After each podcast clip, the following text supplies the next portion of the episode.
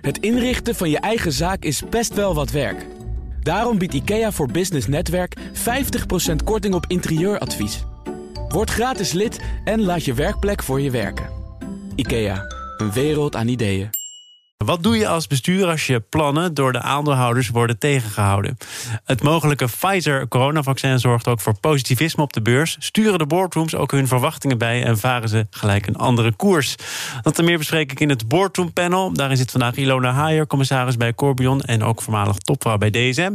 Louise Gunning, voorzitter van de Raad van Commissarissen bij Schiphol Group en ONVZ. En ook lid van de Raad van Toezicht van de TU in Eindhoven. En Stefan Pij, directeur en oprichter van de Governance University. Welkom. Dank.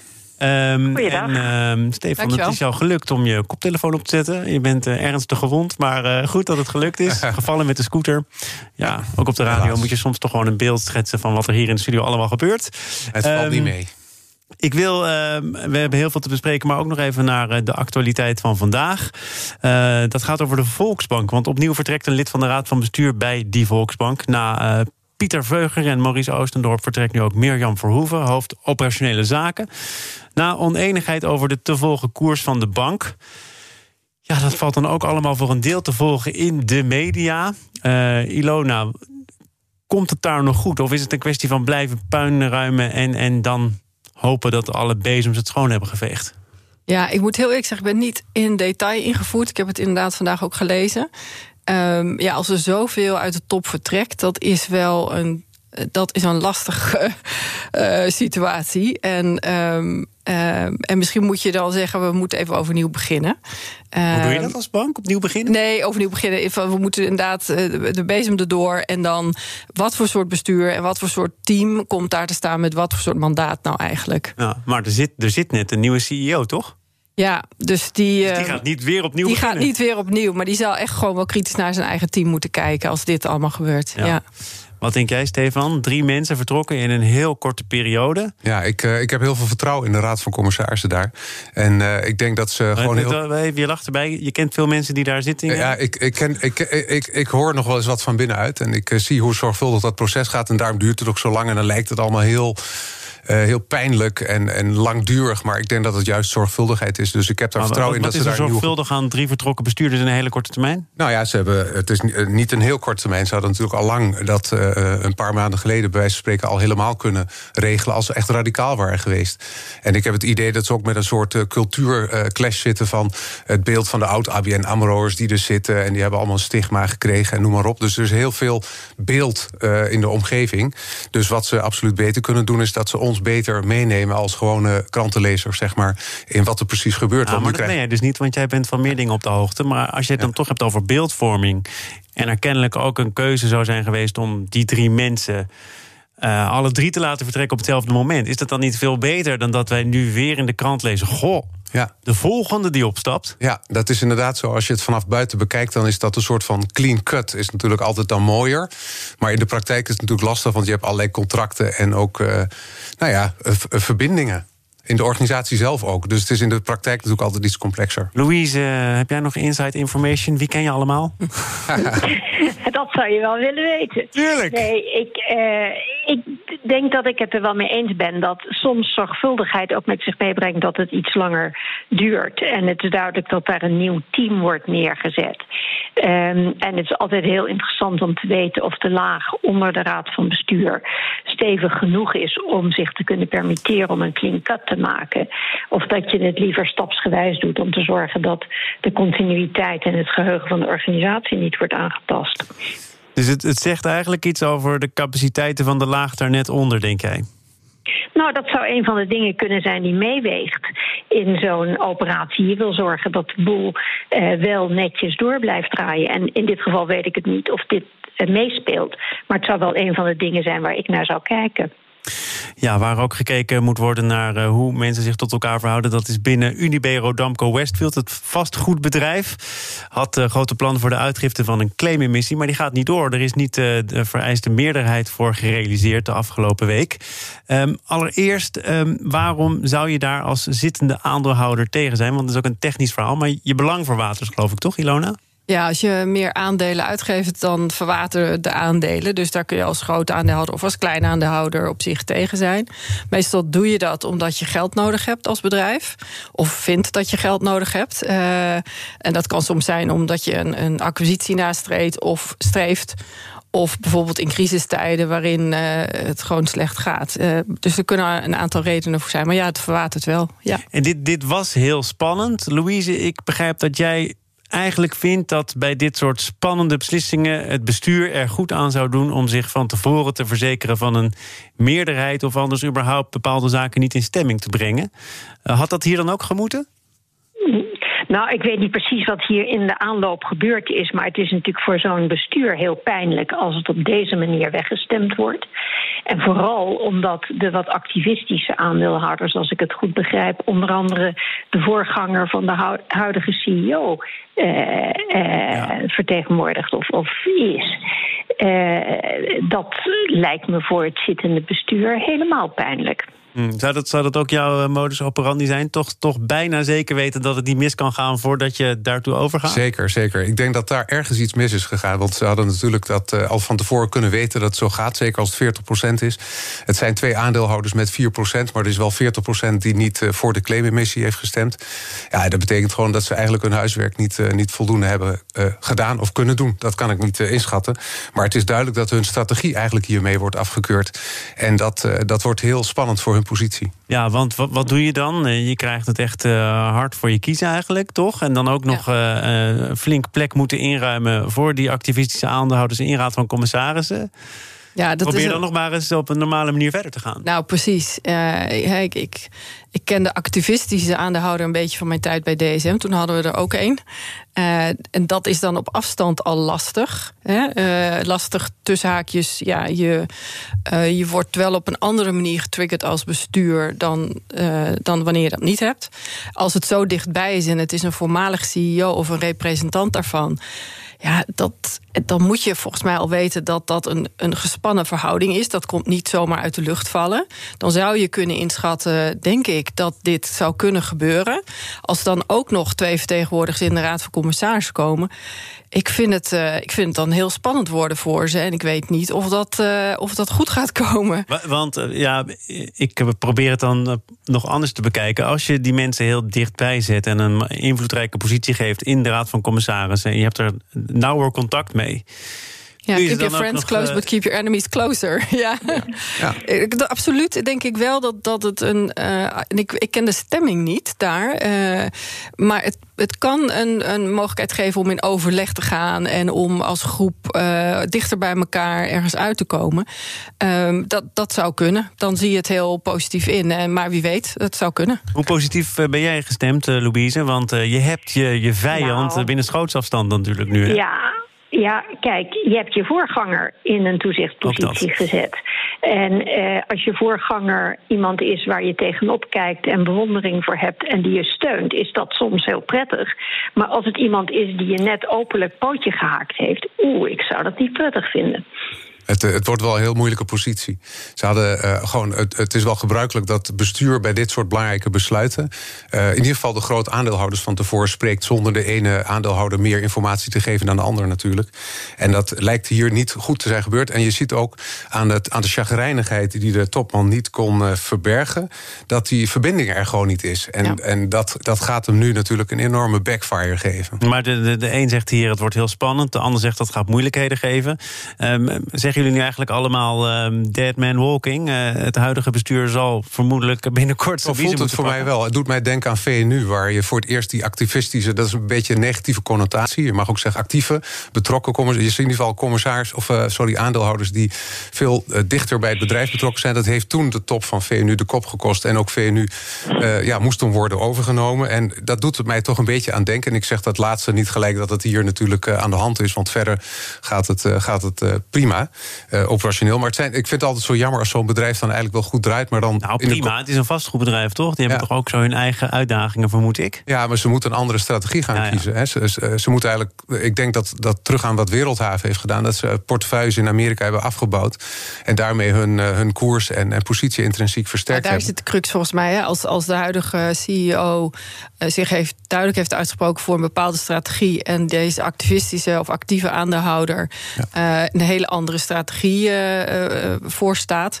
ja, dan, dan wordt het gewoon lastig. Want hoe ga je, hoe ga je bakstijl halen, om het dan maar zo te zeggen. op een manier dat je ook nog kunt blijven zitten. en, en ook een soort van integriteit bewaart.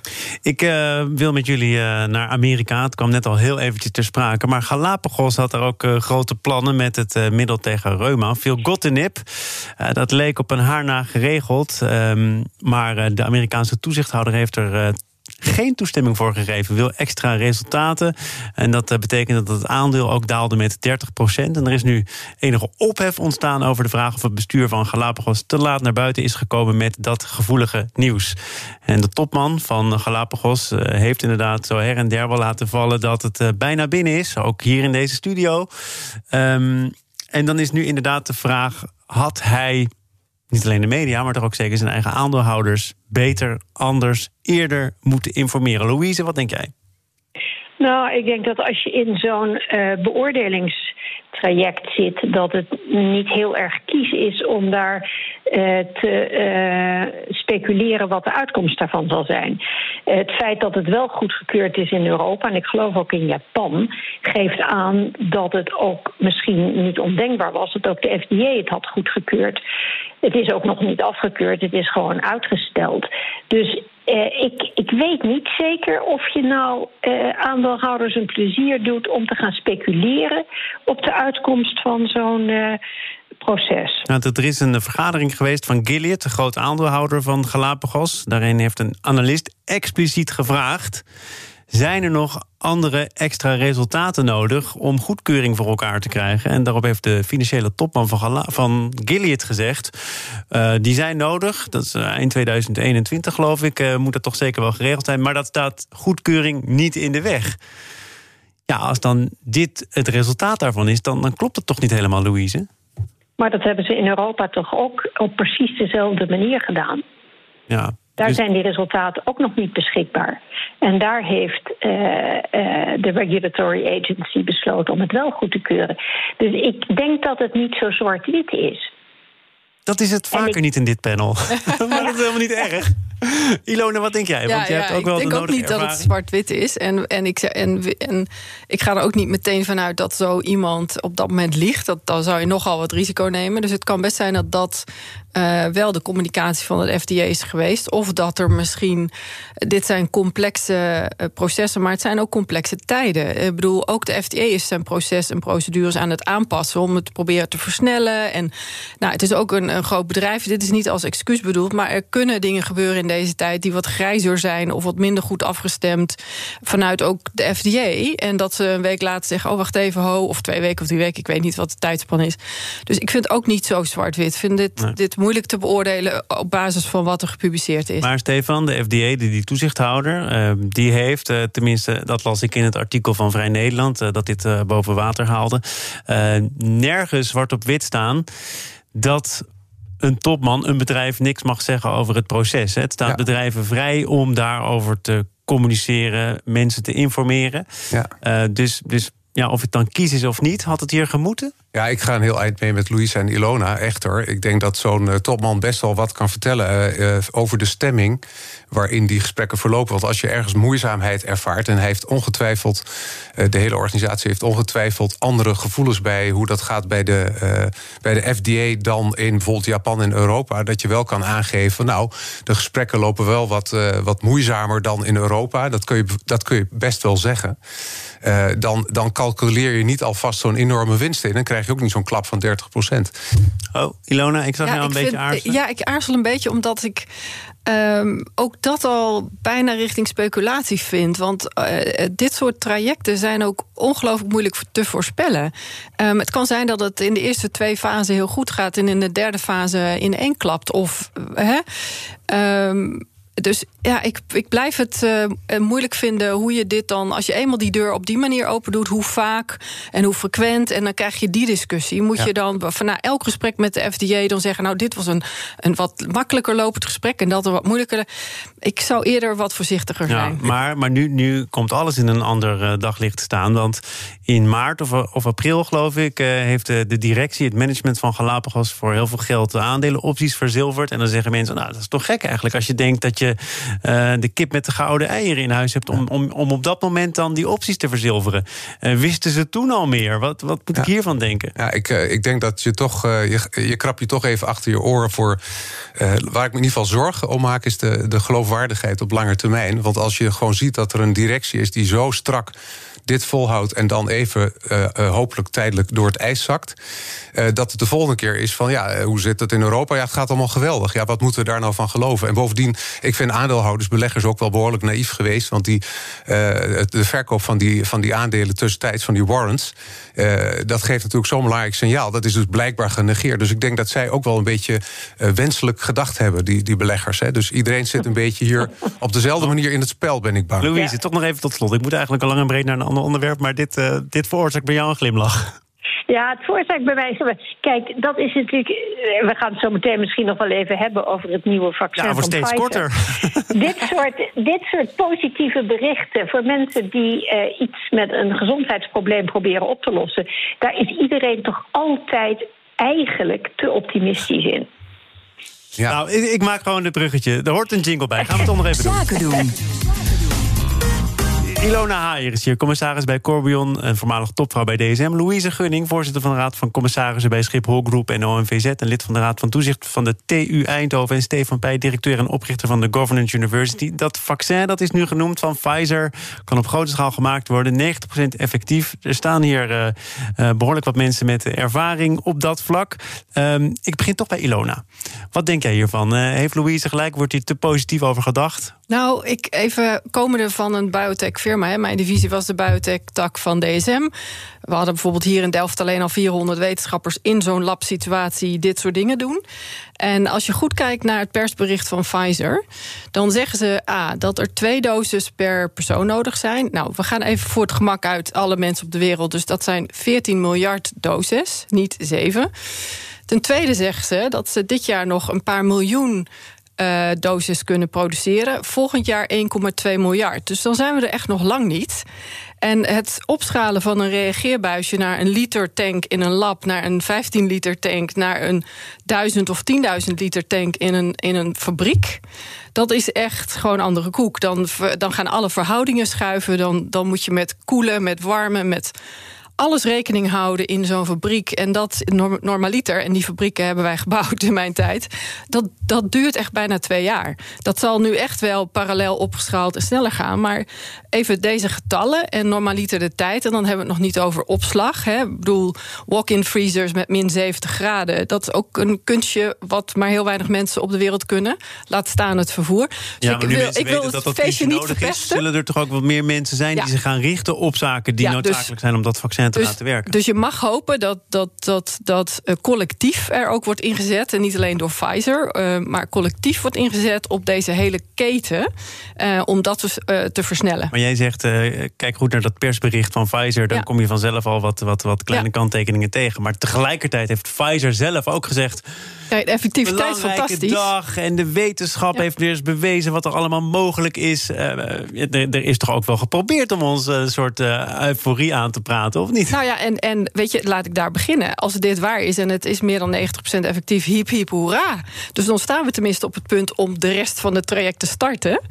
Maar ik denk niet dat we nu ervan uit kunnen gaan dat we over een paar maanden allemaal ingeënt zijn. Dat is gewoon zo gaat, dat gaat niet. Ik ga toch voor de zekerheid nog even aan Louise vragen. Want uh, jij hebt ook wel het nodige uh, in je leven te maken gehad. En nog steeds met uh, gezondheidszorg en, en, en, en de bereikbaarheid van medicijnen, dat soort zaken meer. Wat denk jij als je dit allemaal Nou, ik ben en het met Ilona eens dat de werkelijkheid nog helemaal niet zo rooskleurig is als het soms in sommige krantenstukken terug te lezen was. Maar ik heb natuurlijk in het AMC de enorme kwestie op zoek naar een HIV-vaccin meegemaakt. Het had ook gewoon gekund dat het ons niet gelukt was om een vaccin te ontwikkelen. En vanuit dat perspectief vind ik dit een ontzettende grote opsteker. En eh, gelukkig zijn er nog een aantal andere vaccins ook in ontwikkeling die misschien kunnen helpen om die aantallen te halen. Ik ben het wel met Ilona eens, dit gaat het nog niet oplossen voor komende zomer. Uh, zeker niet wereldwijd. Uh, maar ik was wel heel erg blij dat dit de eerste interim resultaten waren. Uh, Louise, jij hebt natuurlijk ook iets te maken met, met branches die kunnen opveren als er zo meteen weer iets uh, kan met zo'n vaccin. En of dat dan het vaccin van Pfizer is of een combinatie. Uh, wat betekent dat voor bijvoorbeeld de strategie voor de wat langere termijn? Als ik bijvoorbeeld kijk naar Schiphol, naar KLM, dat zijn ook de, de bedrijven die het op de beurs plotseling toch weer wat beter deden. Ja. Moet nu alles weer tegen het licht gehouden worden? Nou, ik hoop dat dit de opleving van de, de, het reizen versnelt. Uh, ik denk dat die sneltesten dat trouwens ook al kunnen doen en waarschijnlijk op veel kortere termijn uh, in de aantallen die je nodig hebt. Dus ik zou zeker de inzet op testen niet verminderen. Maar ik denk dat het de mobiliteit weer enorm gaat helpen. Uh, en hoe dat zal zijn. Uh, ik vond het heel interessant om te zien hoe snel de vluchten naar Curaçao geboekt werden. toen dat toch geel bleek te zijn en toegestaan. Mensen hebben enorme behoefte om te reizen en weer op pad te gaan. Of de business travel zo snel ja. terug zal komen, dat weet ik niet. Stefan, dit, dit gaat dus over uh, zaken waar we kennelijk toch nog behoefte aan hebben. Uh, op vakantie ja. gaan en als het weer even lukt, dan, dan doen we dat meteen. Um, maar er zijn, er zijn ook bedrijven waar nu speelt... Uh, gaan we mensen ontslaan? waar gaan we ze in de toekomst op richten? in hoeverre mag een aankondiging over een mogelijk werkend vaccin... daarin een belangrijke rol spelen? Ja, het is natuurlijk. Uh, de neiging was wel grappig. Want we hadden het de vorige keer toen ik hier in de studio was daar ook over. Toen had ik het over de vijfde golf. Maar dat was meer een soort metaforisch bedoeld om uh, aan te geven dat we uh, misschien gewoon normaal moeten leren doen onder coronadreiging. En iets, iets meer van onze flow kunnen laten gaan. Dus niet elke keer twee weken of twee maanden vooruit kijken. En ik denk dat je, dat je gewoon op lange termijn ervan uit moet gaan dat wat Ilona ook al schetst. Er komt nog een heel proces aan. We moeten het niet nu al incalculeren. Anders krijgen we te veel het Galapagos-effect. Zeg maar. Dus als je nu een grote reorganisatie voor ogen hebt, uh, noodgedwongen, ja. toch doen. Ook ik, al kan ik, het zijn dat er volgend jaar dingen sneller mogelijk zijn dan voorheen gedacht. Ja, ik, ik, ik gun niemand de, de, de, de direct de consequenties daarvan. Maar het, je moet wel gewoon strategisch daar doorheen kijken. En op veel langer termijn ervan uitgaan dat dit, dat dit gewoon nog een paar jaar duurt voordat we het echt onder controle hebben. En dat is een andere manier van denken dan dat je denkt: over twee maanden zijn we er wel. Ja, dat, dat doen we al sinds maart. Wat denk jij daarvan? Ja, ik denk dat het dus inderdaad afhangt van de tijdshorizon die je neemt. En um, als je een bedrijf echt gewoon het water aan de lippen staat nu... en ook soort van kort cyclisch uh, is... ja, dan kun je bijna niet anders, want die outlook dat is er nog niet. Maar als je dat nog niet hebt en je kunt uh, zeg maar twee jaar verder kijken... Ja, dan zou je even op de rem kunnen stappen qua dat soort ingrepen. Maar ja, het is heel specifiek. Dat heeft toch met die tijdshorizon te maken, ja. Ja, je ziet je solvabiliteit slinken. En dus het wordt steeds spannender om dat te overleven. Dus op een gegeven moment moet je toch wat doen. En we zijn toch al een hele tijd bezig. Dus, uh... Nou, dat kun je ja, zeggen. Het is zelfs het is bijna ten einde, Louise. Als jij nog ja. heel kort wat wil zeggen, dan mag het. Maar het is nou, wat alleen, alleen zeggen dat het soms ook wel heel goed is om weer eens kritisch het bedrijf tegen het licht te houden. En dat hoeft niet uh, opeens er anders uit te zien als er een COVID-vaccin is. Onze tijdshorizon uh, zit er zo ongeveer op, is in beeld gekomen. Dit was het uh, voor vandaag. Ik dank Ilona Haier, Louise Gunning en Stefan Pij... voor hun bijdrage aan het Boardroom-panel. Uh, morgen dan is hier John van der Ent. Hij is de topman van de Spar. En hij gaat mij onder andere uitleggen... hoe hij van de tosti de rookworst van de Spar gaat maken. Nou, nou, nou, blijf dus luisteren. En dat kan sowieso hoor, door naar Nieuwsroom te luisteren. Onze dagelijkse podcast van het FD en BNR. Gepresenteerd door Mark Beekhuis. Veel plezier daarmee. Het inrichten van je eigen zaak is best wel wat werk. Daarom biedt IKEA voor Business Netwerk 50% korting op interieuradvies. Word gratis lid en laat je werkplek voor je werken. IKEA, een wereld aan ideeën.